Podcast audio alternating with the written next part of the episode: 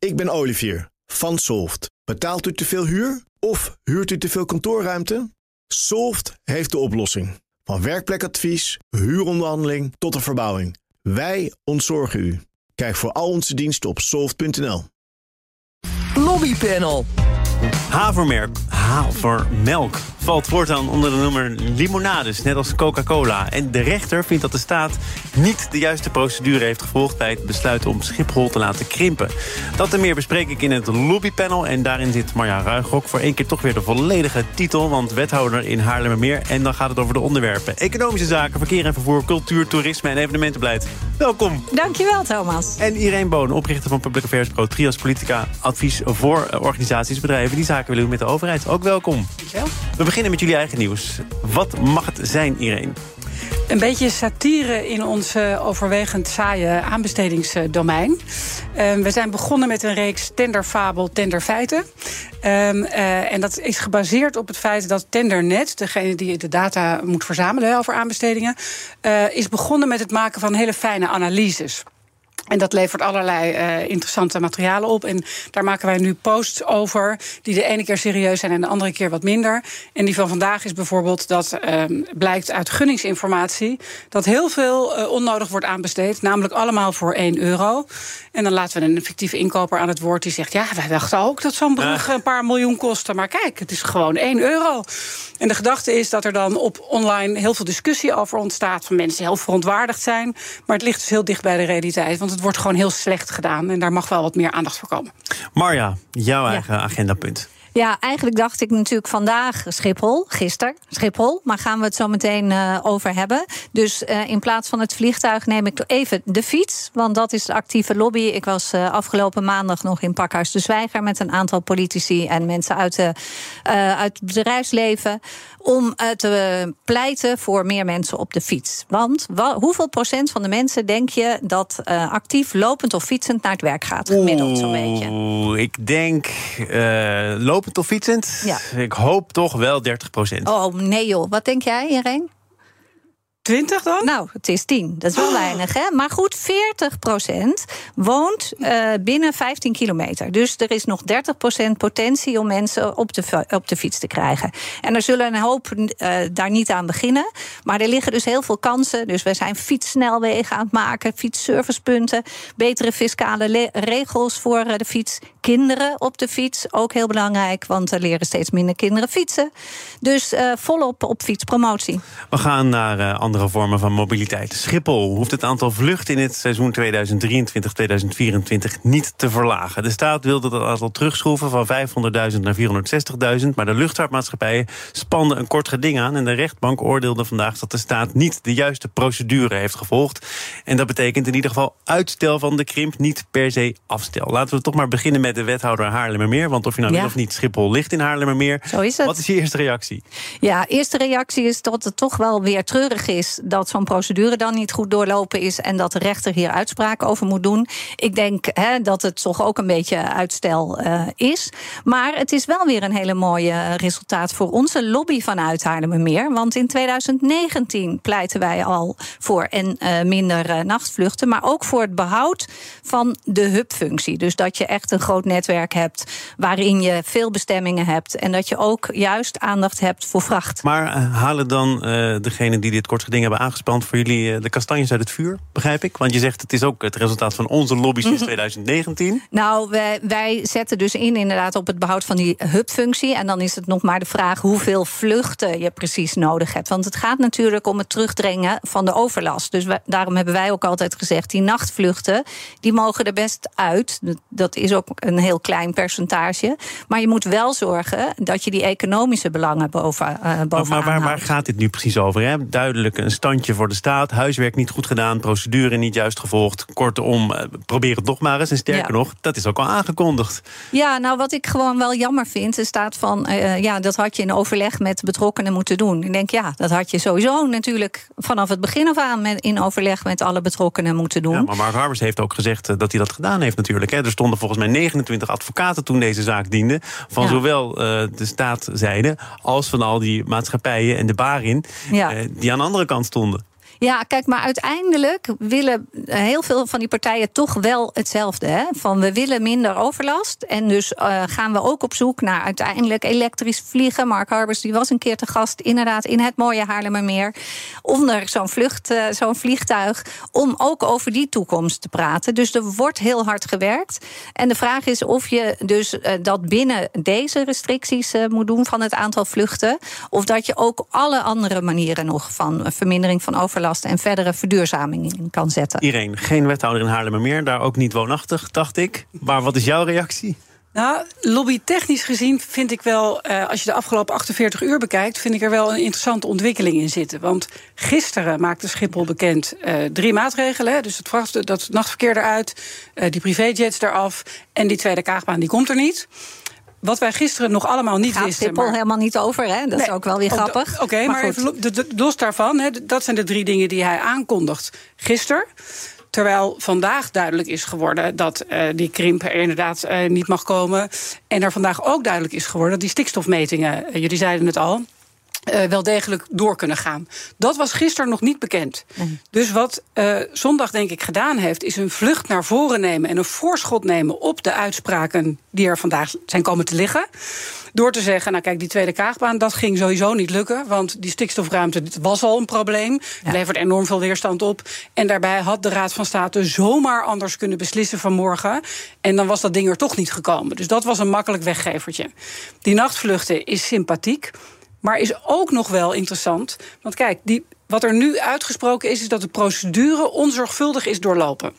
Dus je moet meer overleggen, zoals Marja terecht zegt. Maar Schiphol had ook moeten onderzoeken of er alternatieven waren. Mm -hmm. Het schrappen van nachtvluchten zou zomaar aangewend kunnen worden als een interessant alternatief dat onderzocht is. En dan kunnen er twee dingen gebeuren. Of de buurt zegt: fantastisch, het is verholpen, dan zijn we klaar. Of de buurt zegt, wat ze nu al roepen, ja, van 12 tot 5 doet u ons maar van 11 tot 7. En dan heeft het niet geholpen. En dan zijn we weer terug bij waar we vandaag staan. Dan moet die krimp er wel komen. En dan is de procedure mogelijk zorgvuldiger gedaan. Dus dit is lobbytechnisch wel interessant. Ja, wij hadden het in het voorgesprekje al even over. Wist zondag dit, hè, van de uitspraak van de rechter. Dat kan haast niet. Maar het is wel een, uh, een bijzondere samenspel van omstandigheden. Gisteren die uitspraken, die tweede kaagbaan, hebben we ook al vanaf 2019 gezegd. Joh, 2019, dat moet je helemaal niet willen. Wij en willen is dan het college van burgemeester en wethouder. Oh, sorry, ja, dat zijn uh, we. Ja. Geen majesteitsmeervoud, maar, nee, nee, nee. burgemeester en wethouders inderdaad. Omdat wij uh, op zoek zijn naar ruimte hè, om, om te bouwen, om, om uh, vervoerbewegingen mogelijk te maken. Dus die, dat weggaan van die tweede kaagbaan, dat is op zich hartstikke goed, goed nieuws. Ja. hoe gaat zondag hier nu te werk? Want hij geeft ronkende interviews, niet voor het eerst. Hè. In het FD heeft hij ook al een keertje goed laten weten wat hij er van plan is op en met Schiphol. Ondertussen zijn er belangrijke stakeholders, om het maar modern uit te drukken, die zich volledig gepasseerd voelen. TUI, KLM niet te vergeten. Um, moet dat Transavia. soms ook? Transavia, is een dochter van KLM, meen ik. Um, kan dat ook als je niet zo'n hele lange horizon hebt? Want hij is dus aangesteld als interim topman, puinruimer, schoonmaker, noem het maar zoals je het wil. En hij denkt, nou, we hebben veel te lang uh, alleen maar pap en een nat houden gedaan ik ga nu uh, spijkers met koppen slaan. Ja, nou hij had een opdracht, maar vooral operationeel. Hè? Hij moest gewoon de brokken opruimen uh, van het, uh, de bagageafhandeling en de doorstroming en de beveiliging. Dus de vraag is eigenlijk hè, wat, wat die dan nu aan het doen is. Eigenlijk het voorwerk, denk ik, van Bin, Dick Benschop aan het uitvoeren en daar nu een, een klap op geven. En ja, als interim manager heb je inderdaad meer speelruimte om dit soort dingen te maar, doen. Maar zoveel speelruimte dat je TUI en KLM, Transavia tegen de haring nou, kunt strijken? Nee, want ik vind dat dus dan net zo onzorgvuldig als uh, nu de rechter uh, de minister op zijn vingers tikt. Ik vind dat uh, ook Ruud Zondag gewoon nadrukkelijk met de omgeving in gesprek moet blijven en dit in gezamenlijkheid naar buiten. Nou, moet dat inderdaad? Ik kwam een reactie van TUI tegen in de Telegraaf. Wat Schiphol hier verkondigt zijn geen besluiten, maar het is de persoonlijke visie van Schiphol. Het zijn proefballonnen. Wij gaan ervan uit dat ze in de uitwerking de juiste procedures zullen volgen en op de juiste wijze de betrokken partijen zullen raadplegen. Maar dit is wel gezegd. Hoe kom je dan weer uh, goed met elkaar om de tafel? Nou ja, ik, ik denk dat Toei daar een punt heeft. Ik denk ook dat dat gesprek nu gewoon uh, vrolijk doorgestart wordt. Want kijk, die luchtvaartmaatschappijen hebben nu uh, gelijk gekregen, dus hoera, hoera. Uh, er is gewoon geen alternatief. Ze zullen wel met Schiphol moeten praten. Ik bedoel, je kan moeilijk zeggen, we lopen van tafel. En voorlopig dus- was het ook zo, hè? Want er waren allemaal al afspraken gemaakt. Dus ook wat, wat Zondag zegt, dat had ook pas volgend jaar of zo in werking kunnen treden. Maar hij heeft ze dus, terecht voelen ze zich geschoffeerd en gepasseerd. Dat heeft hij ook gedaan. Uh, dat is misschien ook wel uh, ja, de, de, ruimte die je als interimmer hebt. Want je bent op een gegeven moment toch weer weg. Dus wat kan jou het eigenlijk schelen? En de schade is eigenlijk heel beperkt gebleven. Ja, ze vinden het niet leuk en iedereen roept moord en brand. Behalve maar net een resultaat. Ja, nou, ik vond Corendon ja, Dat was echt, wel grappig. Want ja. Corendon heeft uh, als reactie laten weten... nou ja, ik snap het eigenlijk wel. Ja, ja waar gaat het over? Het is misschien 2% uh, van de vakantievluchten die in die nacht. En als daar nou mensen echt veel beter van slapen... en gezonder zijn, moeten we dan niet dat tientje, die 15 euro per ticket erop gooien. En uh, jongens, ja, laten dat zijn we dus gewoon... barstjes in het front van die maatschappijen die niet. Ik vond dat niet ook heel interessant. Zit ook in Haarlemmermeer natuurlijk. Ja. nou, en, en, dan nog, hè, want het, het, is bij BNR vanochtend ook gegaan over de privéjets en of je dat überhaupt ook kunt verbieden. Maar die topman van Corendon, die heeft er ook nog wel een oplossing voor. Namelijk, uh, stal ze maar op Lelystad. En dan zegt hij, Steven van der Heijden, hoogpollig tapijt in de terminal, een paar schilderijen aan de muur en klaar. De zaaklieden, DJ's, profvoetballers, ja, laat ze maar een half uurtje rijden naar Amsterdam op de achterbank van de Mercedes of de Porsche. nou, gelijk heeft hij. En het zou wel fantastisch zijn als Lelystad toch gewoon een functie krijgt. Hè? En dat we daar dan bijvoorbeeld toch ook die vakantievluchten naartoe kunnen Vind jij het opvallend, deze uh, opvallende opstelling van Corendon? Nee, ik vind het wel slim eigenlijk. Ik bedoel, de, je ziet dat het op je afkomt. Je kan er eigenlijk weinig tegen doen. En je profileert je uh, ten opzichte van de andere luchtvaartmaatschappijen. Die laat je gewoon het vuile werk doen. En morgen zit iedereen weer aan tafel. En dan gaan ze gewoon verder met een zorgvuldiger voorbereiding van een nieuw te nemen besluit. Dus het lijkt me helemaal prima zo. We gaan er iets wat ook zorgvuldig is voorbereid door commissies en de SER. En uiteindelijk een minister die een voorstel indient. BNR Nieuwsradio. Zaken doen. Thomas van Zeil.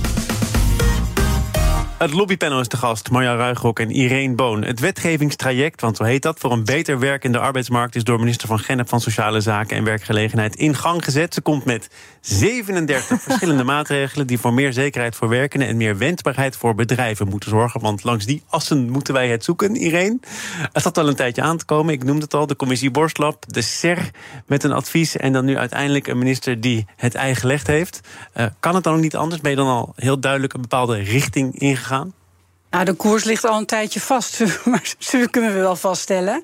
Uh, wat een beetje uh, op, opvallend is aan deze enorme uh, deal, is dat het aan de ene kant een klassiek voorbeeld is van hoe een goed poldermodel werkt. Dus alle partijen aan tafel, iedereen heeft wat gewonnen, iedereen krijgt een cadeautje, maar moet dan daar ook een prijs voor betalen. En daarmee probeert de minister, en ik denk met succes, um, een, een gedragen voorstel, zoals dat heet, naar de Kamer te sturen. En dan hoop je dat er in de lobby bij de Tweede Kamer niet al te veel meer gebeurt. Of dat ook echt zo gaat zijn, dat vraag ik me eerlijk gezegd af. Maar wat wel een beetje uh, typisch is, is dat het pakket wat er nu ligt, dat dateert van jaren geleden. De arbeidsmarkt is Totaal natuurlijk 180 anders. graden anders geworden. En daarmee lijkt het een beetje ja, mosterd na de maaltijd, zal ik maar zeggen. En de minister zegt nee, maar we moeten voor decennia ja, vooruit precies. kunnen. Ja, het is haar letterlijk gevraagd: is het mosterd naar de maaltijd? En zij zegt: maar ik kijk niet naar vandaag. Decennia, inderdaad, dat heb ik voor ogen. Ja. Nou, het is natuurlijk wel zo dat inherent aan een wetgevingstraject is dat je bijna altijd achter de feiten aanloopt. De actualiteit gaat altijd sneller dan wetgevingsjuristen teksten kunnen maken die ook nog op draagvlak kunnen rekenen. Um, en zorgvuldig genoeg zijn, zodat je de rechter niet tegen je krijgt. Ja, precies. Dus nou, die, die krijgen we dan daarna nog waarschijnlijk. Dus uh, het is omvangrijk het is weinig verrassend, omdat het dus heel lang is voorbereid en heel lang al dezelfde koers uh, heeft gevaren. De grote vraag is: gaat het allemaal stand houden in de Kamer? Maar vind je ja. dat je heel duidelijk kunt zeggen dat iedereen dan wel wat gewonnen heeft? Want vooral de, de ZZP-organisaties die hebben toch nog wel wat harde noten te kraken. Onder andere over die verplichte verzekering en wanneer die ingaat. En die twijfelen dan over wie zo'n uh, publieke verzekering voor zijn rekening moet nemen. Is dat dan echt wel het UWV, waar nu al problemen zijn? Ik, ik heb uit die hoek in ieder geval nog weinig echt enthousiasme gehoord. Jij wel? Hmm, nou, die heb ik nog niet uh, daar echt persoonlijk over gesproken. Ik vind het wel een knap staaltje werk. Dat gewoon met zo'n gedegen voorbereiding, zo'n gepolder met alle partijen. En uh, ja, de, de arbeidsmarkt is nu veranderd. Hè. Het is echt een werknemersmarkt uh, geworden. Dus het is waarschijnlijk ook wat makkelijker geweest om de werkgevers mee te krijgen in bepaalde dingen die dan het zuur voor hen zijn. Maar ze hebben ook weer wat zoet gekregen. Dus ik denk dat Karin van Gennep dat heel knap heeft, heeft gedaan. En natuurlijk zullen er dan op deelaspecten, uh, want ja, het zijn 37 maatregelen. Dus er zal er altijd wel eentje niet deugen. En dan, dan wordt de lobby heel erg ingezet naar de Kamerleden. En nou, de vraag is of, of die daarin meegaan of dat ze zeggen van joh, dit moet decennia mee. En we vinden dit een goed pakket. Dit is een stevige basis. We gaan hiermee door. Kun je hiervan zeggen dat de polder heeft geleverd? Dat hoorde ik Ingrid Thijs eh, gisteren zeggen op deze zender. Terwijl die polder natuurlijk elkaar ook in de haren vliegt... daar waar het gaat over de cao's. Hè. Tuur mm Elzinga en Ingrid Thijs willen niet meer gezamenlijk worden geïnterviewd. Want stel je toch voor. En dan nu toch wel gezamenlijk zeggen... nou, dit is eigenlijk wel wat we ongeveer voor ogen hadden. Ja, maar ook omdat er zoveel tijd aan vooraf is gegaan... en de uitgangspunten eigenlijk wel breed gedeeld worden... en dat er dan nu eindelijk een invulling is... waar we dan inderdaad jaren mee verder kunnen. Ja, ik denk dat dat goed is. Je moet er ook op een gegeven keer een klap geven. Van, uh, wij zijn nu voor decennia klaar. Want eigenlijk bewijst toch die veranderende arbeidsmarkt... dat je dat soort ambities niet meer nou, formuleren. Nee, nee hoor, want uh, we zijn begonnen jaren geleden... en toen was het een werkgeversmarkt. En nu uh, sluiten we de deal en nu is het een werknemersmarkt. En blijkbaar kunnen we dus met zoet en zuur... dit wel met elkaar afspreken. Ik denk dat er nog een ronde achteraan komt... waarbij ZZP'ers zich nog behoorlijk gaan roeren. Want voor hen inderdaad, die, met name die arbeidsongeschiktheidsverzekering die verplicht wordt voor ZZP'ers, is een uh, heet hangijzer. De tragiek van ZZP'ers, of een van de tragieken, is natuurlijk dat zij wat minder goed georganiseerd zijn dan uh, VNO, NCW en MKW. Mm uh, dus daar, ja, zo'n polderresultaat is leuk. En dat is heel netjes in de polder gedaan. Maar ik denk dat, en ik zou het ze ook aanraden, dat als die ZZP'ers nog wat willen, dat die gewoon allemaal naar die Kamer moeten om uit te leggen. Het zijn er ook wel wat, geen zin hebben in verplichte uh, arbeidsongeschiktheidsverzekering. En is misschien een persoonlijke noot. Ik vind eigenlijk ook wel, als we zeggen met z'n allen... Uh, ik, ik, ik, gebruik zelf ook heel veel inhuur van ZZP'ers... Als je zegt, wij vinden dat het maatschappelijke risico van onverzekerde ZZP'ers niet ten laste van de samenleving mag komen, daar vind ik eigenlijk dan nog wel wat voor te zeggen. Uh, maar dat zou, waarom zou je dat dan alleen voor werkenden laten gelden? Zou je dan niet moeten zeggen dat ook partners van kostverwinners bijvoorbeeld verplicht arbeidsongeschikteverzekering zou moeten krijgen? Dat het echt voor iedereen gaat gelden en niet alleen maar voor die ZZP'ers die uh, daar nu uh, ja, wel mee te maken hebben. Dat is volgens mij ook al heel lang inmiddels de boodschap van Borstlap, hè, van de gelijknamige commissie. Zorgt dat je sociale zekerheid loskoppelt van welke contractvorm dan ook. Voor iedereen. En niet alleen maar nu voor die ZZP'ers. Wat er ook nog in zit is trouwens een soort uh, crisis-WW... waarin uh, werkgevers hun medewerkers tijdelijk uh, minder hoeven te betalen. Uh, ik sprak daar eerder over, nog voordat het officieel werd gepresenteerd... met macro-econoom Arnoud Boot. Die ziet daar helemaal niks in. De meeste mensen zijn heel terughoudend in het wisselen van baan. Die hebben niet in de gaten dat ze maar één keer leven... en dat ze er iets van moeten maken. Als ze ergens zitten, dan blijven ze zitten waar ze zitten. Wij moeten daar geen overheidsbeleid tegenaan gooien... wat dat nog eens versterkt. Dus wij moeten zorgen dat die overheid de economie niet vastzet... en ruimte schept, juist voor die investeringen. Ja, wij moeten er hier ook maar wat van maken. Het is ook maar één keer woensdagmiddag in de week. Uh, maar ben jij het eens met wat Arno Boot hier zegt? Alsjeblieft zeg, zorg ervoor dat mensen een andere baan krijgen... als het bij het ene bedrijf niet meer lukt. Nou ja, ik hou altijd wel van een beetje eigen initiatief en uh, zelfredzaamheid. Dus wat dat betreft kan ik me daar wel in vinden. Uh, maar ik vond dit nog wel een aardige uh, richting. Waarin je zegt, nou, 80% minder werken. Waarom je dan 90% moet betalen, dat snap ik dan ook niet zo goed. Maar oké, dat zijn dan weer de afspraken die je, die je maakt. Ik geloof niet dat je met dit soort regels de boel op, op slot zet. Als je weg wilt, ga je gewoon weg. We gaan naar havermelk. Ja, toch? Moet er ook nog even gebeuren. Want uh, het kabinet wil de belasting op frisdranken met 196% verhogen. Van 9 naar 26% per liter. Melk en andere zuivelproducten zijn vrijgesteld van die uh, verbruikersbelasting. Maar havermelk valt er wel onder. Wat is daar misgegaan? Nou, daar hebben echt een paar uh, mensen zitten slapen gewoon. Sorry. Maar die havermelk, jongens en meisjes, die hadden hier toch echt even eerder moeten schakelen. Kijk, die, die verbruikersbelasting, daarvan uh, wordt geclaimd... dat heeft niets te maken met gezond of ongezond. Gewoon Het is gewoon staatskas. Het is gewoon geld binnen. Een soort bekeuringen of OZB. Maar het heb je logisch, de verbruikersbelasting. Er is zoveel geld uitgegeven. Dus ja, prima. Dus dat doe je dan voor frisdrank. En uh, alcoholvrij bier is dan ook frisdrank. Want dan kan je daar ook dat geld over heffen. melk is uitgevoerd uitgezonderd. Want dat is een eerste levensbehoefte. Dus daar komt die gezondheidsfactor ja. wel degelijk om ja. de hoek kijken. Ja. En havermelk is geen melk. Dus die valt er dan weer niet onder. maar chocolademelk valt er. Valt, absoluut wel. Uh, is, is wel. Uh, uitgezonderd. Ja, het is uitgezonderd. Terwijl ik heb de schijf van vijf, dat doe ik elke dag, heb ik er even bijgepakt van het voedingscentrum. Adviseert wel zuivel, maar heeft het dan over nee, halfvolle of magere en ongezoete zuivel? Ja, maar Thomas, het gaat ook helemaal niet over gezondheid, zeggen ze dus. Het is gewoon een staatskasregeling. Nou, als dat zo is, dan zou ik zeggen, haal die melkuitzondering eraf. Krijg je meer geld binnen. En dan heb je een beter verhaal naar. Ja, je moet er, ja of je moet zeggen, als ze hadden een mooie lobby kunnen doen: uh, havermelk en sojamelk is groente. Dus dan uh, kan je dat ook vloeibare weer... Groente. Ja, ja vloeibare groente. Maar goed, er is nu gewoon niet opgelet. Nee. En, uh, en ja, dit gaat het worden. En dan is, de vrij, ja, is het wel discutabel. Die chocolademelk, dat wist ik niet eens. Nou, dat is dan heel gek. Dat, ja, dat, ja. er zit eiwit in. En ja, vetten. oké. Okay. Ja, en er zit ook melk in de titel. Dus ja, dan, ja. Je het, dan mag je het allemaal het is, uitzonderen. Het is wel, dacht ik, uh, tamelijk transparant. Dat de staatssecretaris zegt, nou, het gaat hier niet om gedrag of over gezondheid. Nee, wij willen gewoon, gewoon... Ja, maar daar gaat het dus wel om. Want de, uit, de, de producten die worden uitgezonderd. Daarvan is ooit bedacht dat dat heel gezond voor ons zou zijn. Wat nu alweer achterhaald is. Dus er is wel degelijk een link met die gezondheid. En dat maakt het een ja, beetje. Dat maakt een het discutabel. Hè, ja. Van, uh, ja, wat, wat, waarom is die melk dan een uitzondering? Ja. Nou, wellicht is dat een heel goed geslaagde lobby dan geweest. En hè, gemiste kans voor de havermelklobby. Dat denk ik ook. ik denk uh, die groente insteken, ik zou het meenemen. Het komt overigens wel uh, naar buiten in de week dat het uh, Centraal Planbureau heeft becijferd dat belastingen om gedrag te sturen eigenlijk heel vaak niet werken. Ja, maar voor de staatskas werken ze wel goed. Zeker. Het zij gezegd, Irene Boon, oprichter van Trias Politica Advies... en Marja Ruigrok, wethouder in Haarlemmermeer. Dank voor jullie komst. Dit panel is ook te beluisteren als podcast. Abonneer je vooral even via je favoriete kanaal of de BNR-app. Zometeen uh, contact met de voorzitter van Barin... over die uh, uitspraak in het kort geding. En de deelscooters van Go Sharing keren ze terug in het Nederlandse staatbeeld.